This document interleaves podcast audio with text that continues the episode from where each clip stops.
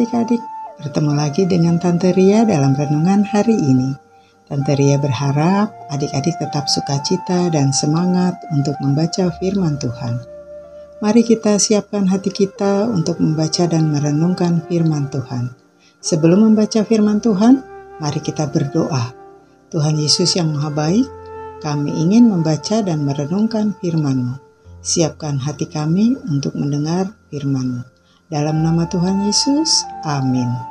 Adik-adik, sudah siap dengan Alkitabnya ya?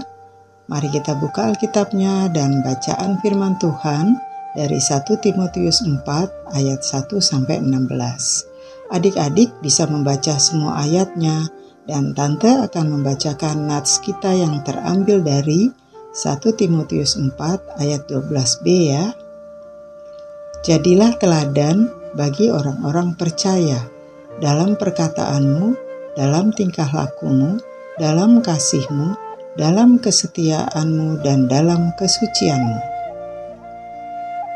Adik-adik, tema renungan kita hari ini menolak menjadi Kristen. Setelah benua Amerika ditemukan oleh Christopher Columbus, maka berdatanganlah bangsa Eropa ke benua tersebut mereka berdatangan dengan kapal perang dan pasukan bersenjata lengkap. Awalnya, suku Indian menyambut orang-orang ini dengan penuh kehangatan dan persahabatan. Tetapi orang-orang Indian terkejut ketika bangsa Eropa ini mulai menunjukkan sifat aslinya. Orang-orang ini ternyata mengincar tanah, emas, dan kekayaan orang Indian. Suku Indian melawan para pendatang ini suku Indian kalah karena peralatan senjata yang masih tradisional, sedangkan peralatan senjata dari bangsa Eropa lebih modern. Orang-orang Indian yang tertangkap kemudian dikumpulkan di suatu tempat. Pemimpin pasukan itu kemudian berkata, "Kalian akan diampuni bila mau memeluk agama Kristen." Pemimpin pasukan yang menjarah itu berusaha meyakinkan orang Indian untuk memeluk agama Kristen. Dia bertanya, "Bersediakah kamu menjadi Kristen dan masuk surga ketika kamu meninggal nanti?" Orang Indian menjawab, "Saya tidak mau.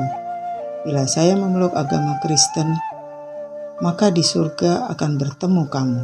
Saya tidak mau bertemu kamu lagi karena kamu jahat." Nah, adik-adik, itulah akibatnya bila kita melakukan kejahatan, keserakahan terhadap orang lain, sehingga kita menjadi batu sandungan dan orang lain tidak mau menerima Tuhan Yesus sebagai juru selamatnya. Menyedihkan ya adik-adik. Adik-adik tahu apa yang diinginkan orang Eropa ketika mereka datang ke Amerika ya? Coba diingat lagi ceritanya. Pasti adik-adik bisa menyebutkannya.